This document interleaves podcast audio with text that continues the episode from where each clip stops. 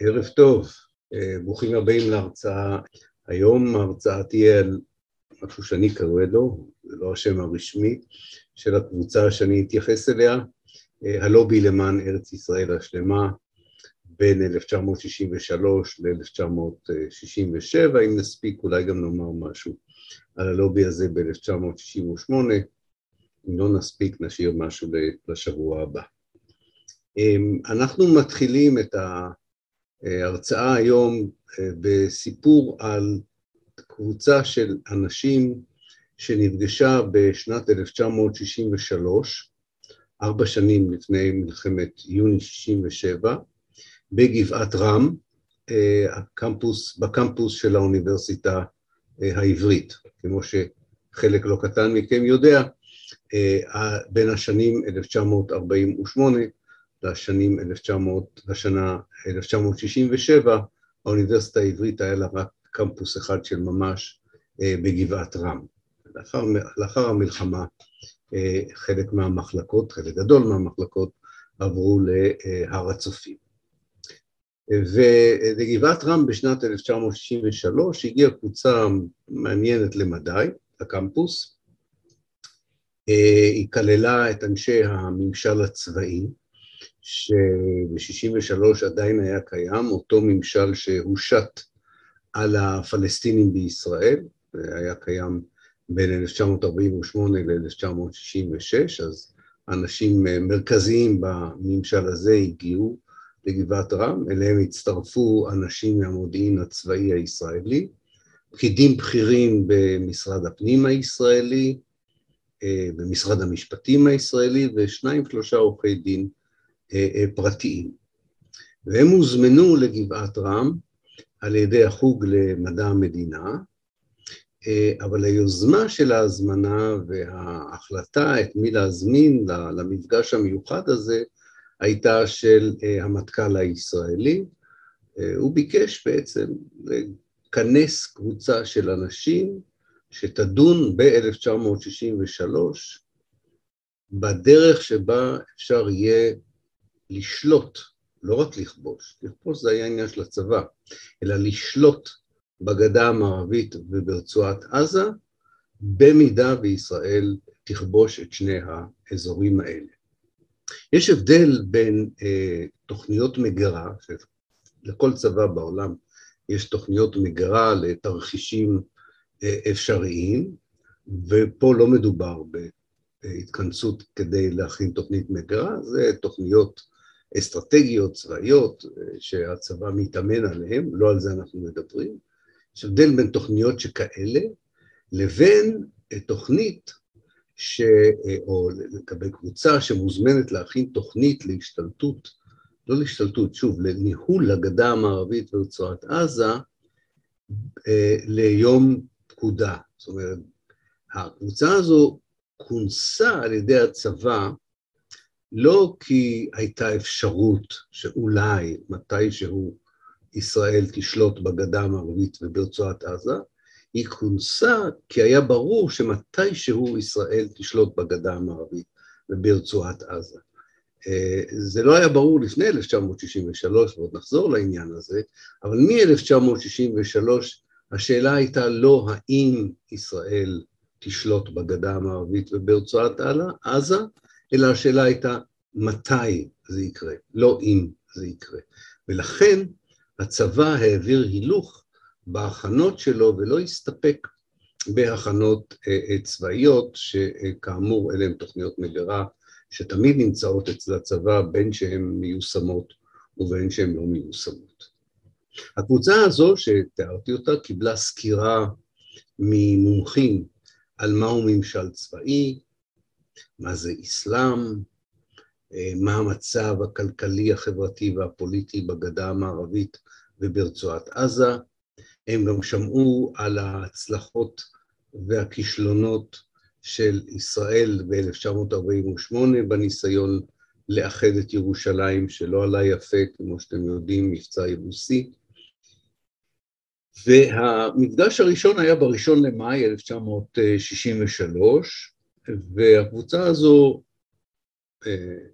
קיבלה הרצאת פתיחה, שבה נאמר לה שהיא כונסה כדי לעזור ולחשוב על הדרך האפקטיבית ביותר, הטובה ביותר, כיצד לשלוט בגדה המערבית וברצועת עזה לאחר שאלה, לאחר שהצבא הישראלי יכבוש אותם אה, כאשר זה יקרה.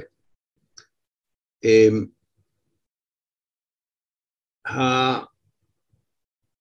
המפגש בגבעת רם הפיק בסופו של דבר תוכנית, פעולה, ששירתה את הצבא הישראלי אה, ביום פקודה, ויושמה מיד אה, עם כיבוש הגדה ורצועת עזה אה, ביוני 1967.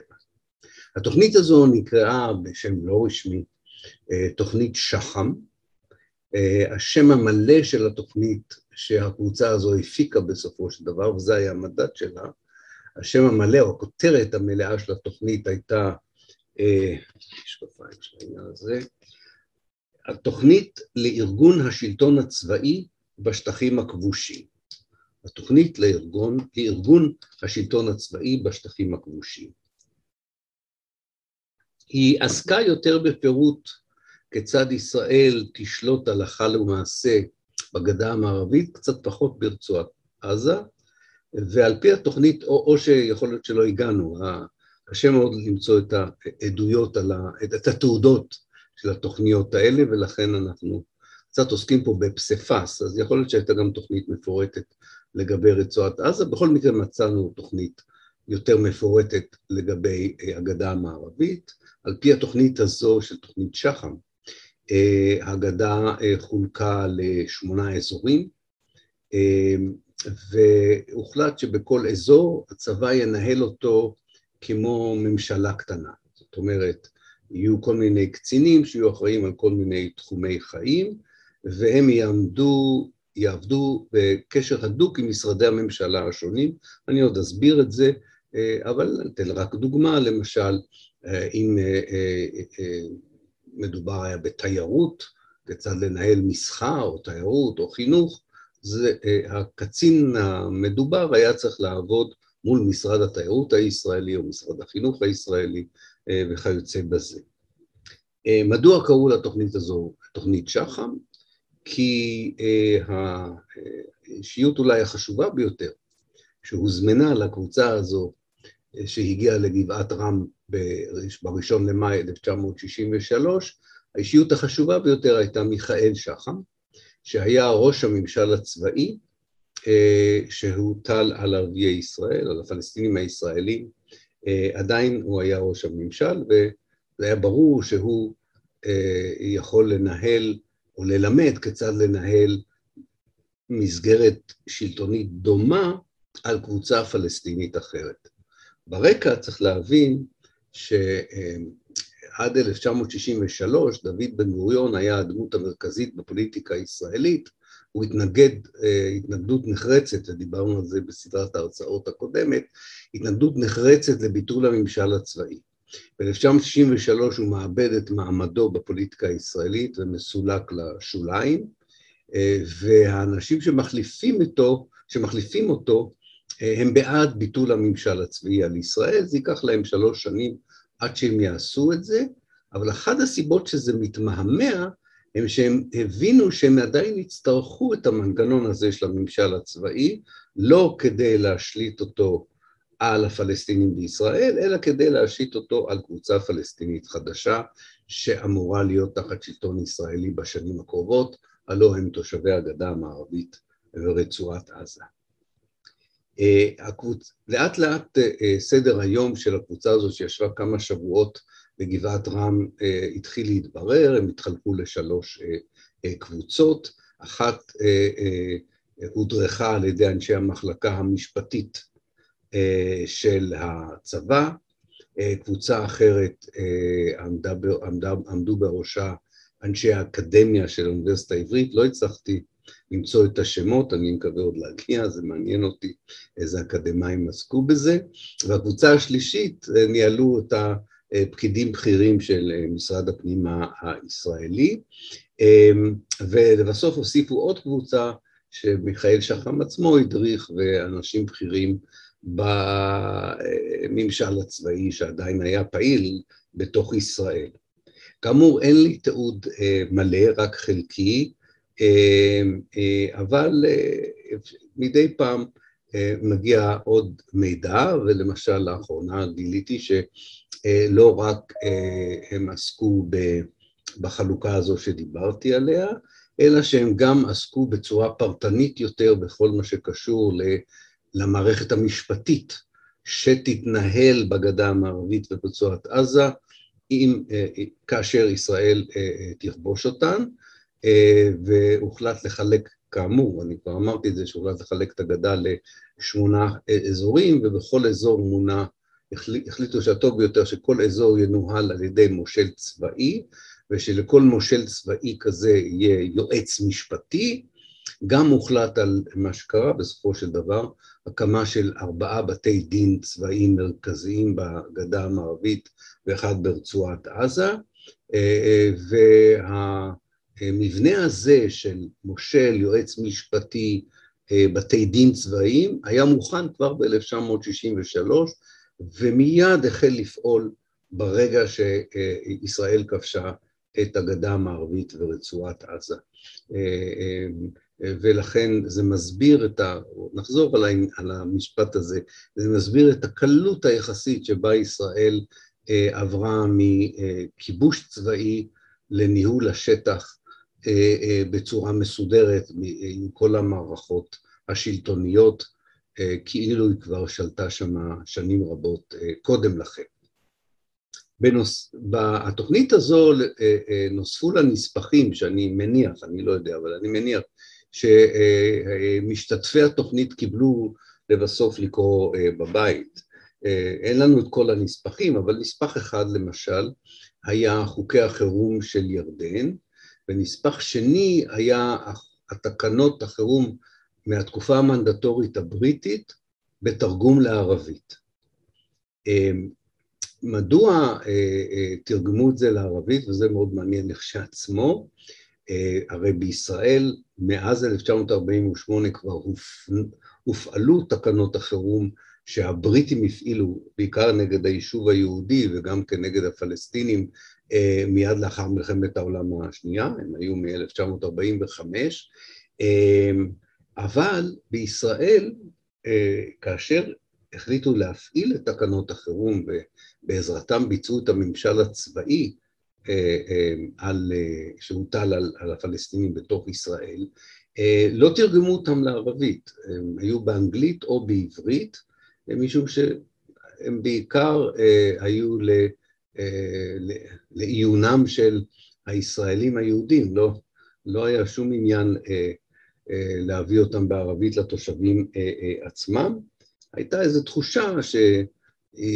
אולי עם איזושהי מערכת של שיתוף פעולה מקומי, אה, או ירדני או פלסטיני, יהיה אפשר לנהל את חוקי, את התקנות האלה, או לפעול על פי התקנות האלה אה, אה, בשטח עצמו, ולכן תורגמו, פעם ראשונה תורגמו לעברית. אחד המקורות שיש לנו לגבי תוכנית שחם, שהיא באמת, היא תוכנית מדהימה, אני חושב שהיא באמת מוכיחה עד כמה ישראל הייתה נחושה, ועוד נחזור לעניין הזה, הייתה נחושה לכבוש את הגדה, לא רק לכבוש את הגדה המערבית, בעיקר את הגדה המערבית, אלא להפוך אותה לחלק אה, ממדינת ישראל כבר ב-1963. אחד המקורות הטובים שיש לנו הוא מישהו שהשתתף בקבוצה הזו, אדם בשם צבי ענבר, אה, הוא היה, אה, הוא הוזמן לגבעת רם כאשר הוא היה עדיין בשירות פעיל בצבא, הוא היה בצוות של היועץ המשפטי הצבאי של פיקוד דרום.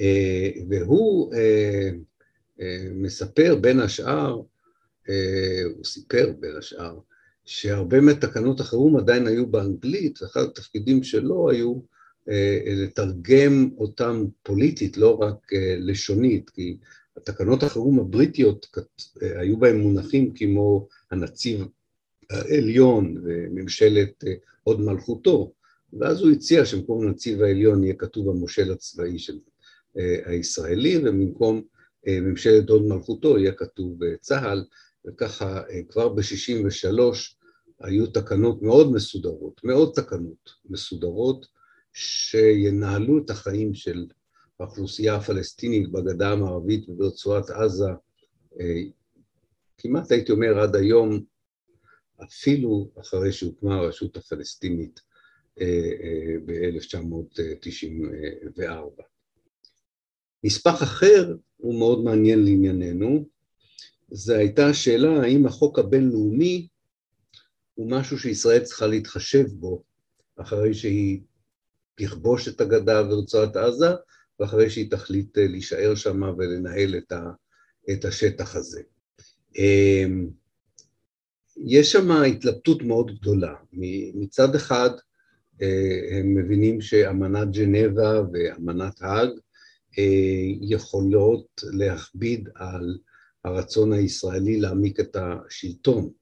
יש שם הערה מאוד מוזרה שאחת הבעיות עם אמנת ג'נבה היא שאסור להוציא להורג אה, אנשים מהשטח הכבוש. אני עוד אעיר על זה משהו, כי בזמנו זה אמנם, לשמחתי זה לפחות לא, לא התממש, אבל התוכנית ב-63' הייתה שיהיה מותר להוציא להורג אה, פלסטינים שהתנגדו לכיבוש. אז זה למשל סוג אחד של דיון שהיה שם.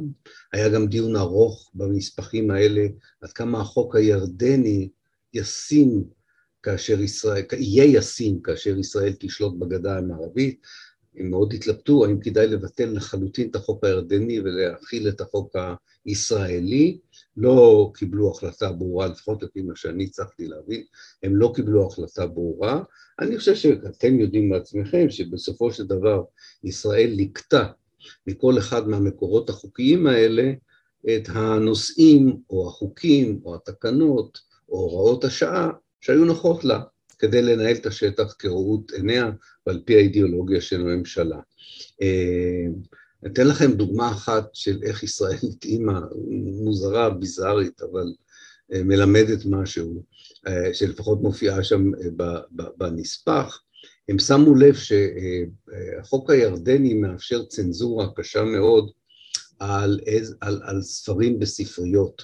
ובבתי ספר, ובקולג'ים, עוד לא היו אוניברסיטאות אז, אה, בגדה המערבית. זאת אומרת, הייתה צנזורה מאוד מאוד אה, אה, חריפה על, על, מה, על מה יכולים אנשי הגדה המערבית לקרוא ומה הם לא יכולים לקרוא.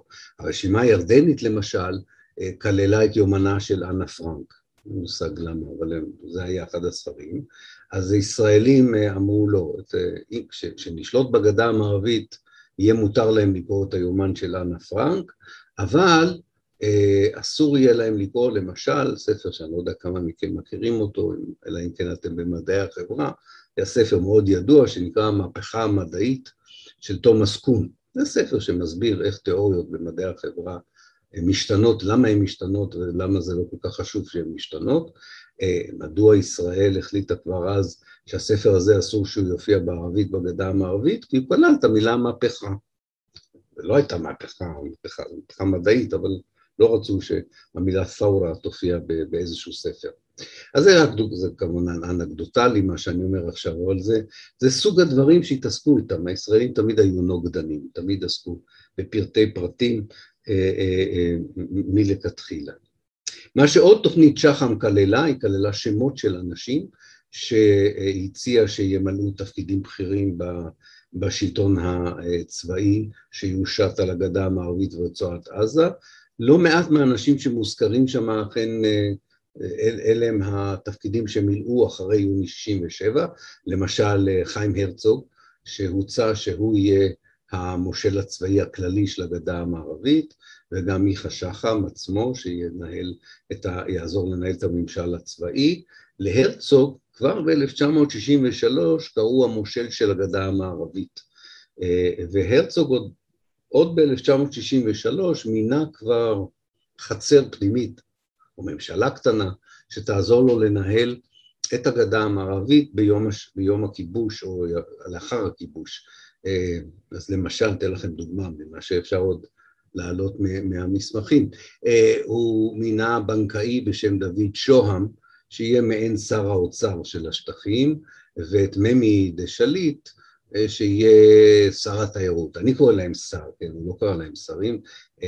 התואר הרשמי היה קצין המטה לענייני כספים, קצין המטה לענייני ארכיאולוגיה, אלה שנתנו את התירוץ לסלק פלסטינים בשם ממצאים ארכיאולוגיים יותר מאוחר, וקצין מטה לענייני תיירות. שחם פנה, ל, זה אנחנו יודעים, הוא פנה לכל מיני אנשים בכירים מעבר לאלה שהשתתפו בקבוצה, כדי לעזור לו להכין את המדינה לשלטון ארוך בגדה המערבית וברצועת עזה. מי שלא כל כך שיתף איתו פעולה לצערו, אה, ככה הוא כותב, היה עוזי נרקיס, אה, אז הוא היה מפקד המכללה הלאומית אה, הצבאית, יותר מאוחר בזמן המלחמה הוא היה אלוף פיקוד המרכז, הוא הסכים להכין תיק כלכלי על, המצב הכלכלי בשטחים, אה, בעזרת האקדמיה הישראלית, אבל כאשר הוא ביקש, אה, אה, שחם ביקש תוכנית יותר מפורטת כיצד, כיצד לשלוט, עוזי נרקיס, שכנראה לא היה שותף לתפיסות של רוב האנשים בפיקוד הצבאי הישראלי ובמיליה האידיאולוגי של ארץ ישראל השלמה, חשב שזה מוקדם מדי, והוא לא חשב כנראה שהיום הזה קרוב, היום שבו יצטרכו לשלוט, חשב שיש עוד מספיק זמן. האחרים חשבו שזה אה, עניין מאוד קרוב, ולכן הם עסקו בתכנון כזה מפורט של השתלטות. אה, למשל, אה, ראש אמ"ן אז הסכים לבקשתו של שחם להכין תיקים מרכזיים על, על תיקים, סליחה, על אישים מרכזיים בגדה המערבית וברצועת עזה, על המוסדות בגדה ובעזה, והחגיגה הגדולה בסופו של דבר, כאשר הם גרמו, גמרו להכין את כל התוכניות והנספחים, הם עשו סימולציה, אני מקווה שאתם כולכם יודעים מה זה סימולציה, כן, שמדמיינים סיטואציה מסוימת ונותנים תפקידים, הם עשו סימולציה כיצד ייראו הימים הראשונים של השלטון, ונשלחו הביתה. שנה אחר כך, ב-1964, הוזמנה קבוצה אחרת, יותר זוטרה, אה, אה, אה, כדי לתת עומק גדול יותר לתוכנית של שחם. זאת אומרת, עומק גדול יותר של הכנות כיצד לשלוט בחיים של הפלסטינים בגדה המערבית וברצועת עזה. הם כבר קיבלו ביום שהם הגיעו חוברת יותר, כבר חוברת מסודרת, תחת הכותרת אה, הממשל הצבאי בשטחים הכבושים, והחוברת הזו כללה הוראות אה, אה, מדויקות, איך להתנהל מול העיריות המקומיות והמועצות המקומיות, כיצד לנהל את מערכת החינוך וכיוצא בזה. שלמה גזית רומז לתוכנית הזו, מי שמכיר את, ה, את, ה, את הספרים שלו, אה, על התקופה שבה הוא אה, אה, שלט בגדה המערבית, שהוא היה מושל, סליחה, יועץ לממשלה בנושא השלטון בגדה המערבית, הוא, הוא היה אחד מהאורחים של החוברת הזו, הוא, הוא מספר שהיא גם כללה הדרכה איך להיפטר מגורמים עוינים, מה שהוא קרא להם גורמים עוינים, ואיך לעודד משתפי פעולה, ואיך להעניש את מי שהתנגד לכיבוש. במשך שלוש השנים הבאות, בין 1964 ל-1967, אה, המשיכה, אה, התוכנית שחם הלכה וגדלה, וקבוצות שונות של אנשים ומומחיות, עם מומחיות שונה, הוזמנו בעיקר לבית החייל לא יודע אם הוא עדיין קיים, פעם היה בית חייל מול גן סאקר בירושלים, לשם הם הוזמנו קבוצות של קבוצות, וכבר היה קאדר רציני מאוד של אנשים, שכמובן התנפח אחרי 1967, היום הוא כולל למעלה מ-150 אלף איש שמנהלים את החיים של מיליון פלסטינים, אבל כבר זה היה קאדר די רציני שכבר הכינו אותו אה, לפני 1967. אה, ישראל לא הופתעה, היא ידעה שהיא הולכת לשלוט בחיים של מיליוני פלסטינים, אה, והיא הייתה מוכנה לזה בצורה מאוד אפקטיבית, כי הייתה תוכנית פוליטית כזו, לחכות להזדמנות ההיסטורית שתאפשר להרחיב את גבולות המדינה היהודית.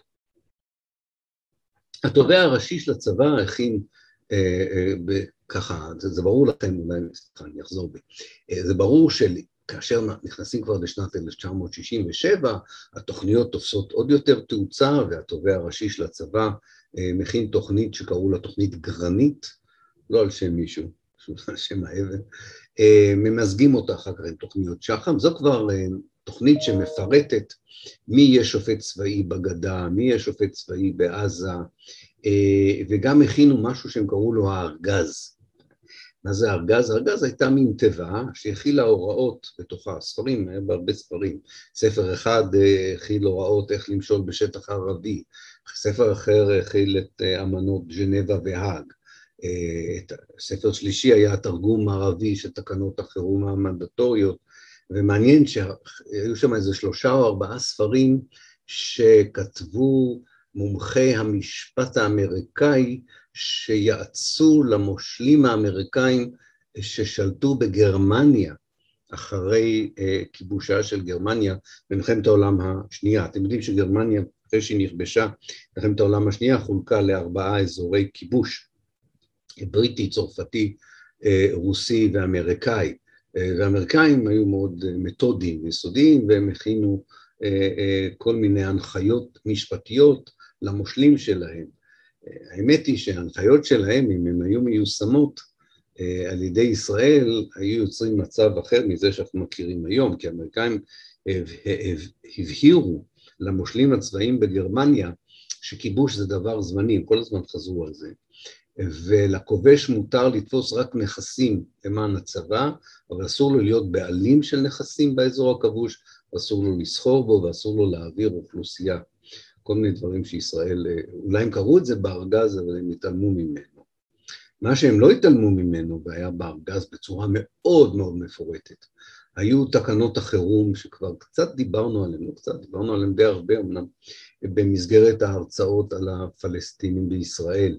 אה, אותן תקנות חירום שהבריטים חוקקו בעיקר כנגד המחתרות היהודיות, אבל גם כנגד תנועת ההתנגדות הפלסטינית, אחרי מלחמת העולם השנייה, ואלה שמנחם בגין השווה אותם לחוקי נירנברג.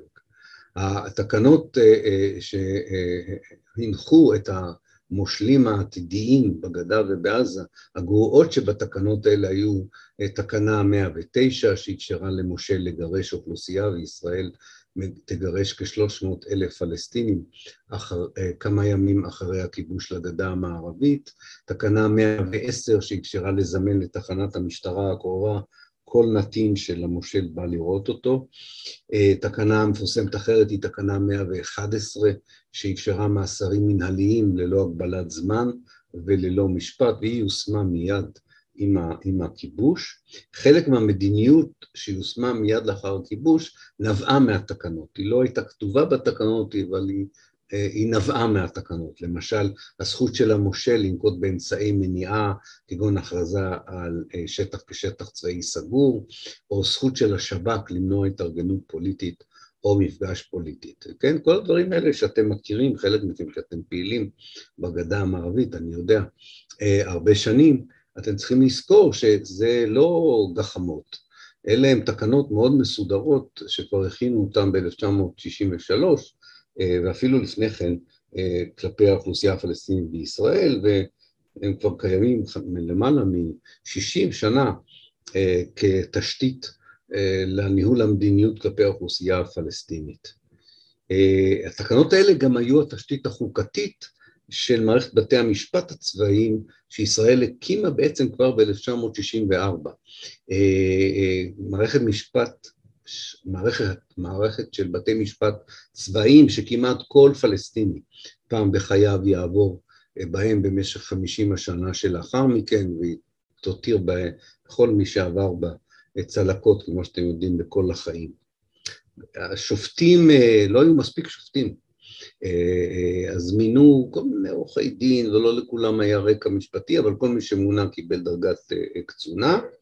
אה, אחר כך הורידו קצת את, ה, את המסגרות, הם חשבו שיהיו הרבה הרבה יותר בתי דין ממה שהיו בסופו של דבר, גם כל מיני דברים אחרים, תודה לאל, לפחות הם ויתרו בסופו של דבר על התוכנית שלהם, שכל הרכב של בית דין צבאי שיהיו בו שלושה שופטים, יהיה לו גם את הרשות להוציא להורג אנשים, וגוף נוסף שלא קם בסופו של דבר זה בית משפט קבוע צבאי לערעורים בשטחים. הארגזים האלה חולקו במהירות במאי וניתנו, ליח... יצרו יחידות מיוחדות שהסתבכו ליחידות הכובשות, שנקראו היחידה המיוחדת, שכללה בוגרים מהקורסים האלה של גבעת רם ובית החייל, והם הובילו את הניהול הצבאי, המנהלי והמשפטי של השטח הכבוש. צבי ענבר למשל מונה להיות אחראי על התשתית המשפטית ברצועת עזה. וככה ללא בעיות מיוחדות יכלה ישראל לשלוט בגדה ובעזה. אז איך הגענו לרגע הזה ב-1963? והאם היה רגע קודם שישראל חשבה כבר לכבוש את הגדה המערבית ורצועת עזה? אז האמת היא שכבר חשבו על זה מ-48', אבל אני חושב שיש הבדל גדול, זה כמו התוכניות לתיאור האתני של פלסטין ב-48'. יש הבדל בין שיח על כיבוש, על ארץ ישראל הגדולה, על רעיונות כיצד לשלוט, לבין תוכניות מפורטות. וברגע שאתה עובר מהשיח ההיולי, הנזין, האבסטרקטי, התיאורטי יותר, לתוכניות פרקטיות, אתה יודע שכבר פה לא מדובר בהכנה למקרה שאולי זה יתרחש, אלא אתה לא רק מכין את עצמך למשהו שיתרחש, אתה גם תדאג לזה שזה יתרחש. וזה קורה רק מ-1963, אבל כדי להבין למה זה קרה ב-1963, צריך לחזור רגע אחד ל-1948. כזכור, ודיברנו על זה, ישראל כבשה כ-78 אחוזים מפלסטין ההיסטורית ב-48, אבל היא לא כבשה את הגדה המערבית ואת עזה. אנחנו הסברנו מדוע היא לא כבשה את הגדה ואת עזה, סליחה, אני מאבד את הכל, אני מיד אחזור אליכם.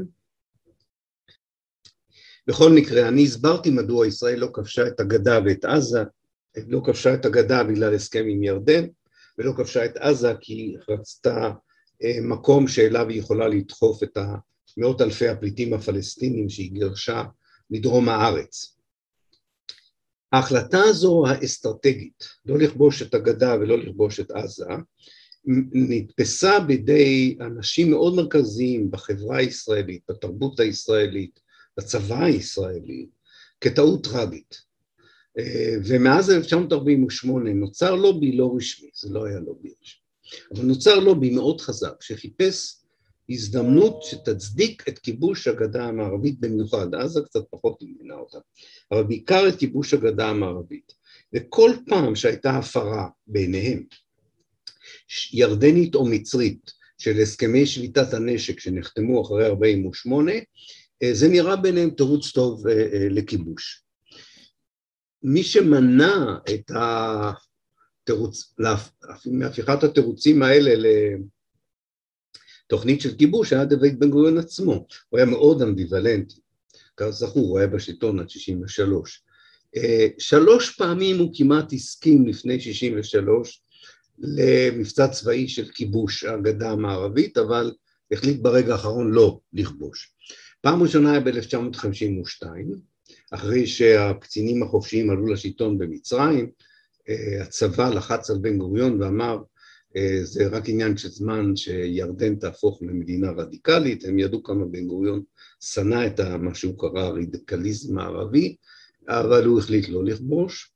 ב-1958 כאשר הייתה הפיכה בעיראק והבית ההאשמי בעיראק נופל ויש ניסיון להפיכה פרו-נאצרית בירדן והפיכה פרו-נאצרית בלבנון, יש לחץ גדול של על בן גוריון לפעולה צבאית, הוא כמעט מאשר את הפעולה הזו, אבל האמריקאים נודע להם, המודיעין שלהם, על התוכנית הישראלית הזו, והם אפילו שולחים לפה את הצי השישי לאזור הזה, כדי לאיים על ישראל שלא תתערב במה שקורה בירדן. והתוכנית הזו נופלת, וב-1960 הנאצר מנסה לראות פעם ראשונה, הוא ינסה את זה עוד פעם ב-67.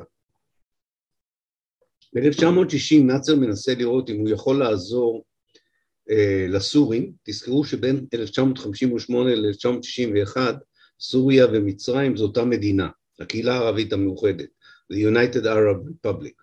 אז ב-1960 נאצר מרגיש מאוד מחויב לא רק אה, לדאוג לאינטרסים של מצרים, אלא גם להגן על סוריה. וב-1990 יש אה, בלי סוף קרבות על, על, באזור החיץ בין ישראל לסוריה. ויש תחושה, בסוריה הייתה תחושה שישראל מתכננת פעולה לכבוש את הרמה ולסלק את השלטון הרדיקלי בסוריה. ונאצר מנסה תרגיל, הוא חושב שאם הוא, הוא יפר בעצם הסכם שיש לו עם האו"ם, לא להכניס כוחות לרצועת, לחצי האי סיני, הוא מכניס צבא לחצי האי סיני, כדי ליצור לחץ דיפלומטי וצבאי על ישראל לא לנקוט בפעולה כנגד סוריה. בן גוריון, בניגוד לאשכול ודיין ב-1967, בן גוריון לא מתרגש מהכניסה של הצבא המצרי לסיני. גם האו"ם של 60, בניגוד לאו"ם של 1967, לא מתרגש מהתרגיל הזה של נאצר. כולם רואים בזה תרגיל לא אמיתי. אמנם ישראל מגייסת מילואים, מי שמכיר את זה, זה היה נקרא מבצע רותם, מבצע רותם, אה, אבל ברגע שישראל מגייסת מילואים והאו"ם מסרב להתפנות למרות שנאצר דורש ממנו לפנות את חצי האי סיני, נאצר מחזיר את הכוחות, ישראל מורידה את הלהבות בגבול הסורי הישראלי ומוריד, ומסירה מסדר היום את השיח שמדבר על הצורך להחליף את השלטון אה, בסוריה. אבל כל נקודה כזו, למרות שהתוכנית לכבוש את הגדה לא התממשה, מתברר לנו שהיה לובי אמיתי וחזק ורחב מעבר לגנרלים של 48' שמאוד כעסו אז על בן גוריון שהוא לא כבש את הגדה ועזה, אה, והם מאוד מאוד חשוב להם לא רק לשכנע את בן גוריון שישראל בלי הגדה המערבית אין לה קיום, אלא גם לשכנע את החברה הישראלית. ש, שהלב של המדינה נמצא בעצם בגדה המערבית, ומדינה בלי לב לא תוכל להתקיים. תום שגב קצת כותב על זה בספר 1967, והוא מספר שמה שתחת ההשפעה של הקבוצה הזו הכינו למשל, אני אפילו זוכר את זה, משחקי קופסה לילדים שבעזרת ההצלחה במשחק היה לכבוש את הגדה המערבית. אבל זה גם מופיע בשירים ובסיפורים, תחושה שהגאולה הציונית המלאה לא תהיה, אלא אם כן אה, הגדה המערבית תהיה חלק אה, ממדינת אה, ישראל. אז לסיכום ההרצאה הזו עד עכשיו, אנחנו נדבר על, על החלק השני שלה יותר בשבוע הבא. לסיכום, יש לנו פה איזשהו, איזושהי גרסה היסטורית שאני הצגתי אותה, שקצת שונה מהגרסה שאני חושב שרובכם מכירים אה, על מלחמת אה, יוני 67, שישראלים קוראים לה מלחמת ששת הימים. אה, הטענה פה היא לא, ש... לא שייכת לשאלה אם ישראל פתחה במלחמה או לא פתחה במלחמה, על זה נדבר בשבוע הבא. והש... והשאלה היא גם לא האם ישראל סתם כך יצאה לכבוש את הגדה המערבית כי היא הייתה מוכנה לשלוט ורצתה לשלוט בגדה המערבית, אה, במיוחד אחרי שבן גוריון סולק מעמדת כוח ביישוב, בפוליטיקה הישראלית, הוא התנגד לכיבוש הגדה המערבית, תמיד היה נגד העניין הזה, אבל כל האחרים היו מאוד בעד, בעיקר בתוך מפא"י ההיסטורית ובאחדות העבודה. אה, וזו אה, לא, העניין הוא, זה הקשר שבין סיטואציה מסוימת, מצב מסוים, נסיבות מסוימות, שאתה יודע שיכול להיות שיאפשרו לך לממש חזון שיש לך, אה, ואתה מנסה יותר מפעם אחת אה, אה, לממש את החזון הזה, כי אתה קורא או נכון או לא נכון את הנסיבות שנוצרו. אז שלוש פעמים הלובי הזה קרא לא נכון את הנסיבות, בעיקר לא הבין, אני חושב, את העמדה של דוד בן גוריון, ובפעם הרביעית, למרות שכל מה שנאצר עשה במאי-יוני 67' לא היה שונה ממה שהוא עשה ב-1960, כן ניצלו את, ה, את הרגע ההיסטורי הזה כדי לממש את התוכנית.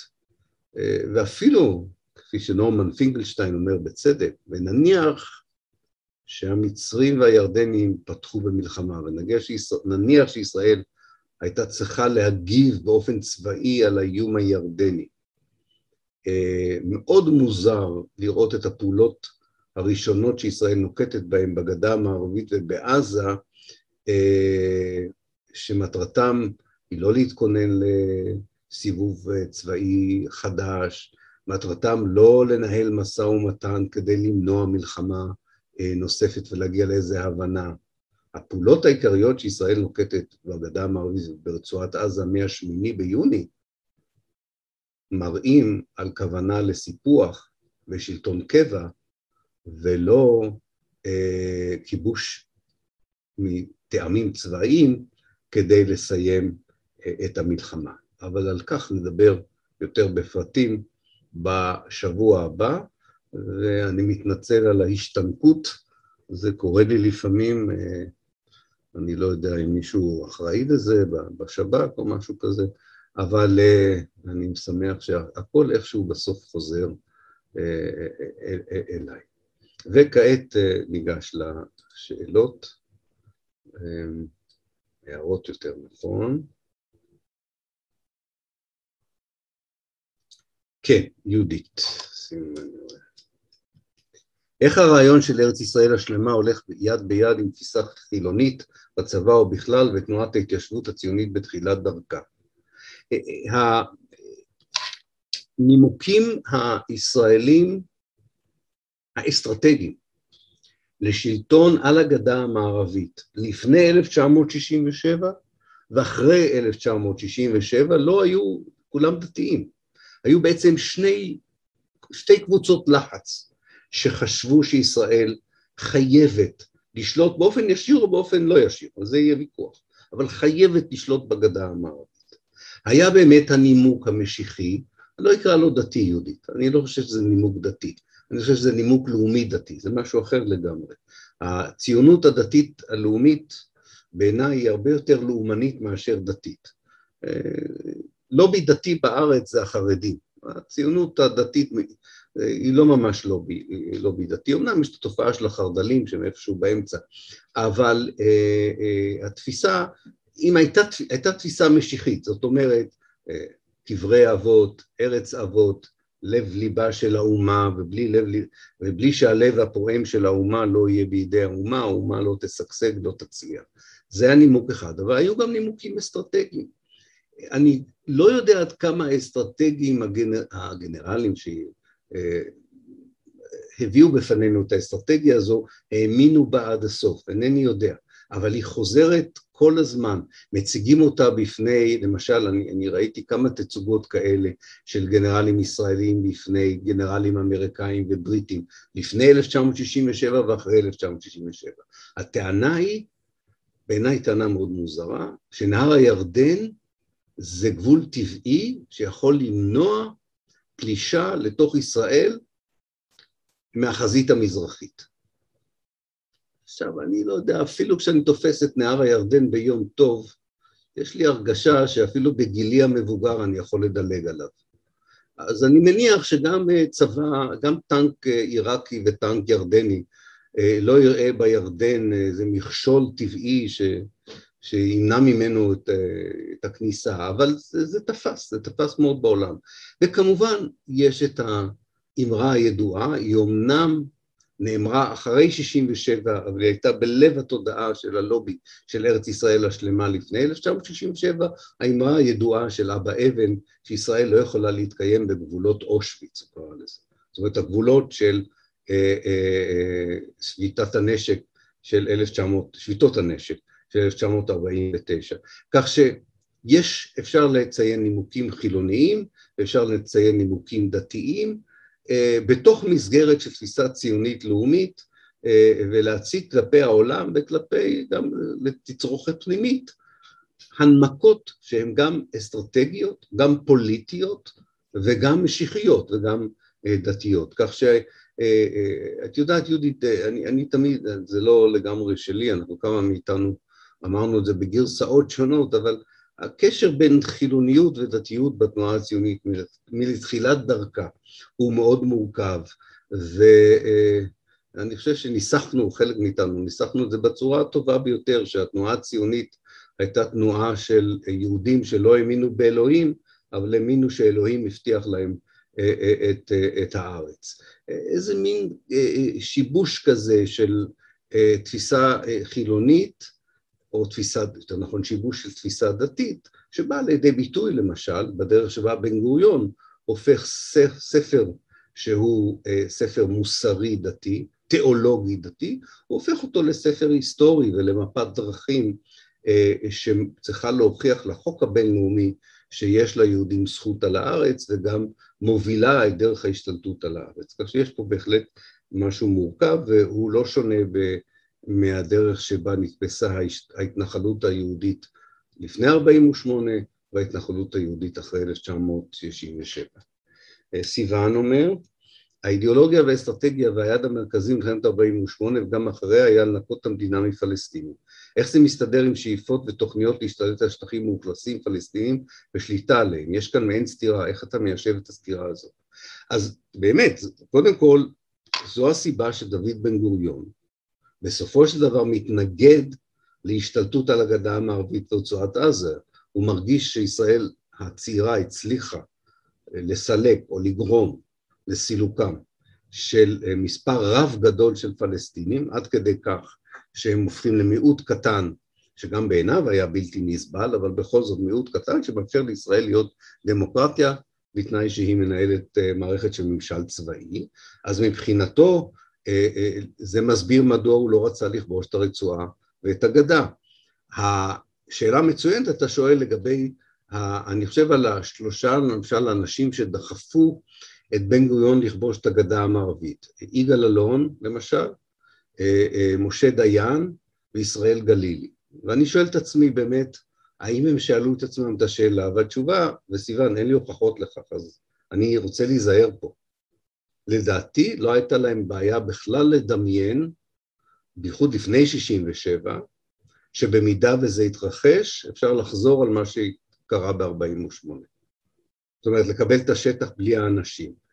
אני באמת חושב שכולם הופתעו, שהמערכה הצבאית ביוני 67' הייתה כל כך קצרה. ובמערך... יש איזה קטע, אני אדבר על זה בשבוע הבא, יש קטע שבו בין, אה, אה, אה, מי זה היה? לוי אשכול. לוי אשכול מסביר בישיבת ממשלה לחברים היותר נלהבים שתומכים ברעיון של טרנספר של הפלסטינים בגדה ובעזה, הוא אומר להם, תראו, תוך כדי מלחמה אפשר לגרש אנשים. אבל זו הייתה מלחמה מאוד קצרה, אז אי אפשר, עכשיו זה הרבה יותר קשה, כן? זאת אומרת, אני צריך להבין שכשמדברים על תוכניות המלחמה של 52, 58 ו-1960, לא חושבים שזה עניין של שישה ימים. כל גנרל חושב על המלחמה הבאה במושגים של המלחמה הקודמת. הם באמת חשבו שהם ינהלו עוד פעם מלחמה קשה, בדומה למלחמה של 48, אבל הם רצו אותה, הם בהחלט רצו אותה. ולכן לדעתי זה, אבל אין, אני רוצה אה, להניף פה איזשהו דגל, כן? להניף פה איזשהו דגל סיוון ולומר, אין לי הוכחות לזה, זו המסקנה הלוגית שלי, שלא תגיד שאני אמרתי ש... ש... שאני, אה, ש... שאני מצאתי. כן, עוד, אני עוד אגיע אליך.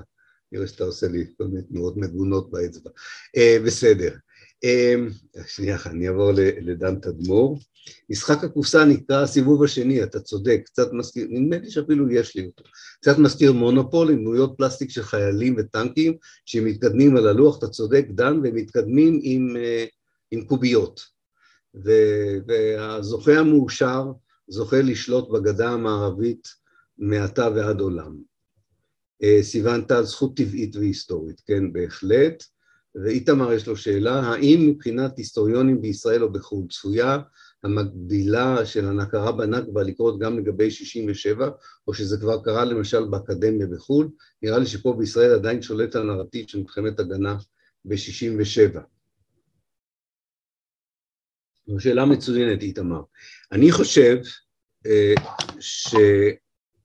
הנרטיב על 48 השתנה לחלוטין באקדמיה בחו"ל, בחברה האזרחית בחו"ל, עדיין לא מקובל על האליטה הפוליטית והתקשורת, הזרם המרכזי בתקשורת המערבית.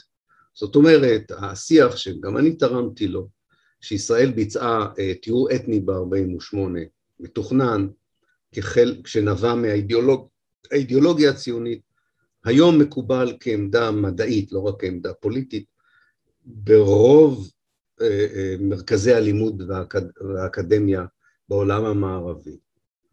על 67 לא, אה, אני עדיין חושב שזה פחות מקובל. אני אתן לך דוגמה, היה לי, לי יש ויכוח מאוד קשה עם אחד מההיסטוריונים החדשים שאני אוהב בסך הכל.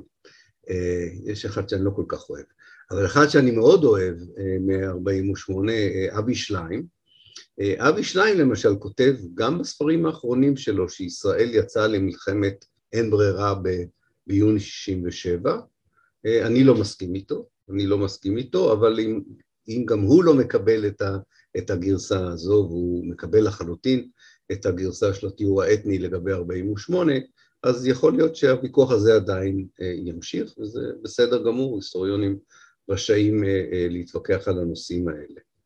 סיוון חוזר אלינו, אבל אם כן תכננו מנגנוני שליטה על נתינים פלסטינים, זה בסתירה לתיאור אתני של השטחים. כן, אני, אני חושב שצריך באמת לחקור את העניין הזה, סיוון, מי זה הם. כל אחד בא מהניסיון שלו. אתה, אה, אני הספקתי רק פעם אחת קצת לשמוע את מיכאל שחם, או מי חשב. הוא היה בטוח שממשל צבאי, שבעיניי זה הממשל הצבאי על הפלסטינים בישראל, כן? ב-1948-67, בעיניי זה, זה מערכת פושעת, אכזרית, לא אנושית. הוא חשב שהייתה מאוד אנושית, הוא חשב שהיא הייתה מאוד יעילה, הוא חשב שהיא הייתה מאוד אפקטיבית, הוא חשב שהייתה הכרחית, הוא לא ראה סתירה בין ישראל כמדינה יהודית ודמוקרטית והשלטה של אה, ממשל צבאי לאורך שנים רבות על אוכלוסיות פלסטיניות שונות, הוא טען שזה עניין של ביטחון, לא עניין של גזענות, וזה לא פוגע ב... בתואר, במוס...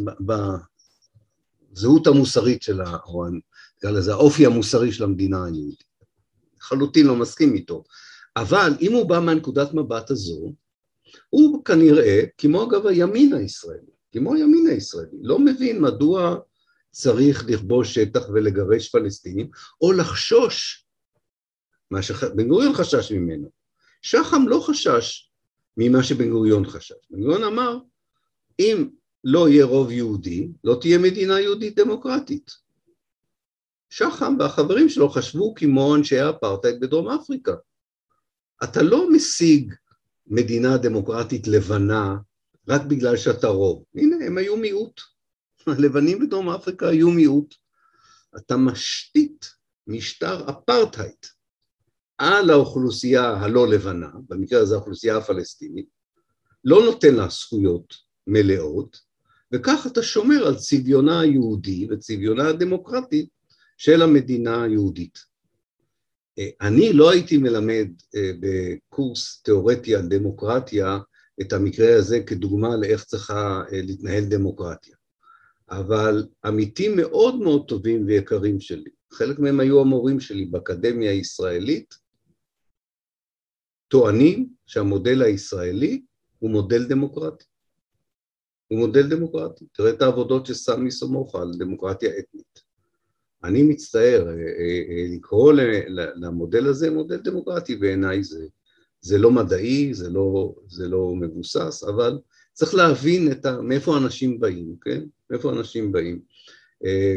אז, אז, אבל זה בהחלט משהו שכנראה אלה סתירות פנימיות שלא תמיד פתרו אותן, לא תמיד פתרו אותן. אנחנו נדבר על זה בשבוע הבא. מנחם בגין, יש לנו את ישיבות הממשלה, הם נפתחו, כן? יש לנו את הסטנוגרמות של ישיבות הממשלה מהראשון ליוני עד בערך הראשון, סליחה, מהראשון ליוני 1967 עד הראשון ליוני 1968. שנה של, פתחו לנו, גנזך המדינה פתח את, ה, את הישיבות של הקבינט, אה, אה, של הממשלה, סליחה, לא רק של הקבינט, אה, להפך, את הוועדה של השרים לענייני ביטחון לא פתחו. ובאחד הישיבות מנחם בגין שואל את משה דיין שהיה אצלו בממשלת האחדות, הוא שואל את משה דיין שהיה שר הביטחון, הוא אומר לו אני, אני רוצה להבין מה אתה מציע כאסטרטגיה בשנים הקרובות לשלטון על האזרחים, על, על הנתינים הערבים, ב, ב, ב, הוא קרא לזה ביהודה ושומרון וב, ובעזה. כשבגין אומר אני אגיד לך מה האסטרטגיה שלי, האסטרטגיה שלי זה להכיל את החוק הישראלי שם. עדיין אומר לו לא, לא, אנחנו נכיל את החוק הישראלי, זה, זה הדבר האחרון שאנחנו רוצים לעשות. אז בגין שואל אותו, אז מה כן? אז הוא אמר לו, אני אגיד לך את זה באנגלית, אה, הם יהיו citizenless citizens, אזרחים ללא אזרחות. ומנחם בגין שואל אותו, כמה זמן אתה חושב שאזרחים ללא אזרחות יכולים לחיות או להתנהל? אז דיין אומר לו, לפחות חמישים שנה. כן? אה, אה, הם לא פתרו את הכל, הם לא פתרו את הכל, אבל נדבר על זה יותר בשבוע הבא, אנחנו נדבר על, על הוויכוחים שלהם, על ההבדל בין אסטרטגיה לטקטיקה אה, אה, שמקבעת את המדיניות הישראלית מאז ועד היום כלפי הגדה המערבית ורצועת עזה. בינתיים איתמר עוד הוסיף אה, שאלה, הכיבוש ב-67' הכניס מחנות פליטים תחת שליטה ישראלית. האם זה היה מוזר מבחינת הקשר למוסדות בינלאומיים? כי הרי יכלו להגיד לישראל תנו לפליטים תחת שליטתכם לחזור. בעיקרון צריך להבין את המצב של החוק הבינלאומי והפליטות הפלסטינית מ-48 עד 67. האו"ם מאמץ החלטה בעצרת הכללית ב-11 לדצמבר 1948, שקובעת שכל פליט פלסטיני שרוצה לחזור, רשאי לעשות זאת. או הוא יכול לחילופין לבקש פיצויים. אבל אם הוא רוצה לחזור, הוא או היא רוצים לחזור, ישראל צריכה לתת להם לשוב. ישראל אה, אמרה, זה עצרת הכללית, זה לא מועצ, מועצת הביטחון, וכמובן היא לא שעתה ולא מילאה אחרי ההנחיה הזו. האו"ם כתגובה הקים ועדה שנקראת הוועדה למען הזכויות הבלתי ניתנות, ניתנות לערעור של הפלסטינים, The Committee for the Inalienable Rights of the Palestinian People, שמטרתה הייתה לחפש דרך שבה אפשר יהיה לחייב את ישראל למלא אחרי הנחיות החוק הבינלאומי שדורש שהיא תאפשר לפליטים אה, לשוב. ישראל בעזרתה הפעילה מאוד של ארצות הברית. הפכה את הוועדה הזו לוועדה אה, חסרת משמעות אה, והאו"ם, זה עדיין המדיניות הרשמית של האו"ם היום. אבל uh, המדיניות הרשמית של האו"ם, כשאתה מעמיד אותה מול העמדה האמריקאית, היא בטלה בשישים, היא לא חשובה העמדה הזו של האו"ם, אם לאמריקאים יש תפיסה אחרת על מה צריך לעשות. ולכן ישראל מאוד לא חששה מכך שאמריקה, מה שהיה חשוב לישראל זו השאלה, האם ארה"ב תלחץ על ישראל לאפשר לפליטים בגדה המערבית לשוב לבתיהם. והתשובה הייתה לא. זה אה, ממשל אה, של הנשיא ג'ונסון, לא במקרה במאי הקולנוע אה, אוליבר סטון בטוח שהישראלים רצחו את, אה, את קנדי, כי ברגע שקנדי נעלם, כל המדיניות האמריקאית משתנה בצורה דרמטית, זה פשוט מדהים. יום אחרי שהוא נרצח, כל המדיניות האמריקאית כלפי ישראל משתנה, ג'ונסון מוכר נשק, ג'ונסון אה, אה, תומך תמיכה בלתי מסויגת בכל מה שישראל אה, עושה. אמנם יש ביקורת במשרד החוץ האמריקאית על כל מה שישראל תעשה אחרי 67', אבל לא היה חשש שהממשל של ג'ונסון יפעיל איזשהו לחץ על ישראל שתאפשר לפליטים לשוב. אנחנו נדבר בשבוע הבא על המאבק של דיין באונר"א אה, דיין מאוד רצה לסלק את אונר"א, אה, אבל הוא שוכנע בסוף שזה עדיף שאונר"א תנהל את המחנות, אה, כי הוא ויגאל אלון, היה להם כל מיני תוכניות, תום סגל קצת כותב על זה ב-1997, הם חשבו שהם יוכלו להעביר את הפליטים האלה לירדן, לארגנטינה, למצרים, ישראל לא, ישראל הרשמית לא עובר יום אחד בין 48' עד אני חושב שעד היום, אבל מה קורה היום אין לי מושג, אבל לא עובר יום בין 48 עד 68, בוא נאמר ככה לפחות, שהם לא חושבים איך אה, לצמצם את מספר הפלסטינים בארץ. ואחר כך הם כבר יש להם מדיניות יותר פעילה של צמצום, אבל על זה נדבר יותר מאוחר. סיוון טל, אז היו שלוש אסכולות, לא לכבוש שטח מלוא הלב פלסטיני, לכבוש ולגרש, לכבוש ולשלוט, בפועל יש לנו משהו כמו שילוב של שתיים ושלוש. אני מסכים איתך, ואני גם מסביר את זה, אני חושב, בשבוע, בשבוע הבא, אני חושב שזה נפל בהחלטות רשמיות של הממשלה, ואנשים חושבים שזה משהו שהתגלגל, שזו מדיניות שהתגלגלה. אני טוען שזו אסטרטגיה שנקבעה ב-67' ואף ממשלה ישראלית לא רצתה אה, לחרוג מהאסטרטגיה הזו. היה, הייתה תוכנית מאוד ברורה איך אה, נשארים עם ומרגישים בלי, איך שולטים אבל לא מספחים, ואני חושב שהייתה פה הסכמה הרבה יותר רחבה בין הימין לשמאל, שמסבירה מדוע בגין מעולם לא החל, החל, הכיל את החוק הישראלי. רוצה למה, מדוע אף ממשלה ימנית לא הכילה עד היום את החוק הישראלי על השטחים כשהם היו כל כך הרבה שנים בשלטון? יש לזה הסבר שקשור לשנת 67-68. אה, דן תדמור, The land I'd like to keep, the people I don't, זו ציטטה ששמעתי ב-67 מפיו של סגן אלוף קורת, שב-56 היה יועץ המשפטי של מושל עזה. דן, עד שאתה לא תכתוב את ספר הזיכרונות שלך, אנחנו נהיה עניים מבחינת הידע שלנו אה, על מה שקרה בשנים האלה. אה, דן, יש לו כמה סיפורים מדהימים, ואני מקווה שיום אחד אה, אנחנו נזכה לקרוא את זה בצורה מסודרת. אני, אני חושב שהמשפט הזה, The land I like to keep, the people I don't, זה נכון מהרצל ביומן שלו ב-1895, שהוא מציע, הוא חושב שיהיה אפשר לקבל את הארץ בלי הפלסטינים שבתוכה, עד לאדון קורת, שלא לדבר על אלה שהמשיכו את אה, אה, דרכם.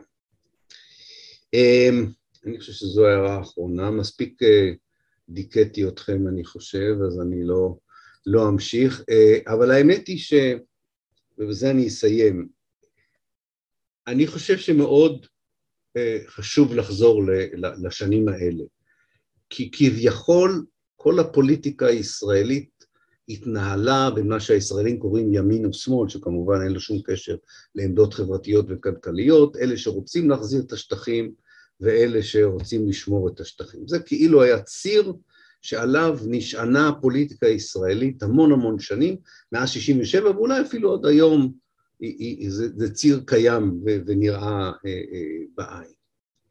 הטענה שלי היא שהציר הזה אומנם קיים, אבל לא בתודעה ולא במיליה, לא בתוך החבורה שמנהלת באופן אסטרטגי את ענייני המדינה הזו. זאת אומרת, קבוצת הגרעין, שהיא בסופו של דבר קובעת אה, שאלות של מלחמה ושלום, של מדיניות חוץ, של היחס הבסיסי לפלסטינים, הקבוצה הזו כמובן משתנה בגלל אילוצים ביולוגיים עם השנים, אבל בסופו של דבר היא מורכבת מאותן אה, אה, קבוצות אה, אה, אה, בחברה הישראלית, והדרך שבה היא מנהלת מאז 67' עד היום את הדיון מה לעשות בשטחים, מה לעשות עם הפלסטינים, אין לו קשר בכלל לדיון הזה, לדיון שמתנהל בצורה יותר כנה בחברה הישראלית, אה, נניח על המנעד הזה שבין אה, תנועת שלום עכשיו והתנועות שנגד הכיבוש מצד אחד ותנועת גוש אמונים אה, מצד שני. המנעד הזה, הוויכוח הזה, הוא קיים בחברה האזרחית, אין לו השפעה ולדעתי אין לו משמעות בתוך קבוצת הגרעין האסטרטגית שקובעת עבורנו את האופי שבו אנחנו שולטים באחר, מתייחסים לאחר, את האופי המוסרי של המדינה שבה אנחנו חיים ואת הדרך שבה העולם רואה אותנו אה, ואת יחסנו לאוכלוסייה הילידית המקומית מאז שהתנועה המתנחלת שלנו הגיעה לפה אה, בסוף המאה ה-19. אז חשבתי שזה יישמע יותר אופטימי, עכשיו שאני חושב על זה זה לא נשמע יותר אופטימי, אבל טוב, לא כל הרצאה צריכה להיגמר באופן אופטימי, אני עדיין חושב שאם אנחנו נוכל לקבל את ההנחה הזו, זה חצי מהדרך. אם אתה יודע מה הבעיה, אז אתה גם מציע פתרונות יותר נכונים לבעיה. אז הנה מצאתי דרך חיובית יותר אה, אה, לסיים, אה, ואני מקווה לראות את אה, כולכם, או רובכם גם בשבוע הבא. תודה רבה לכם ולהתראות.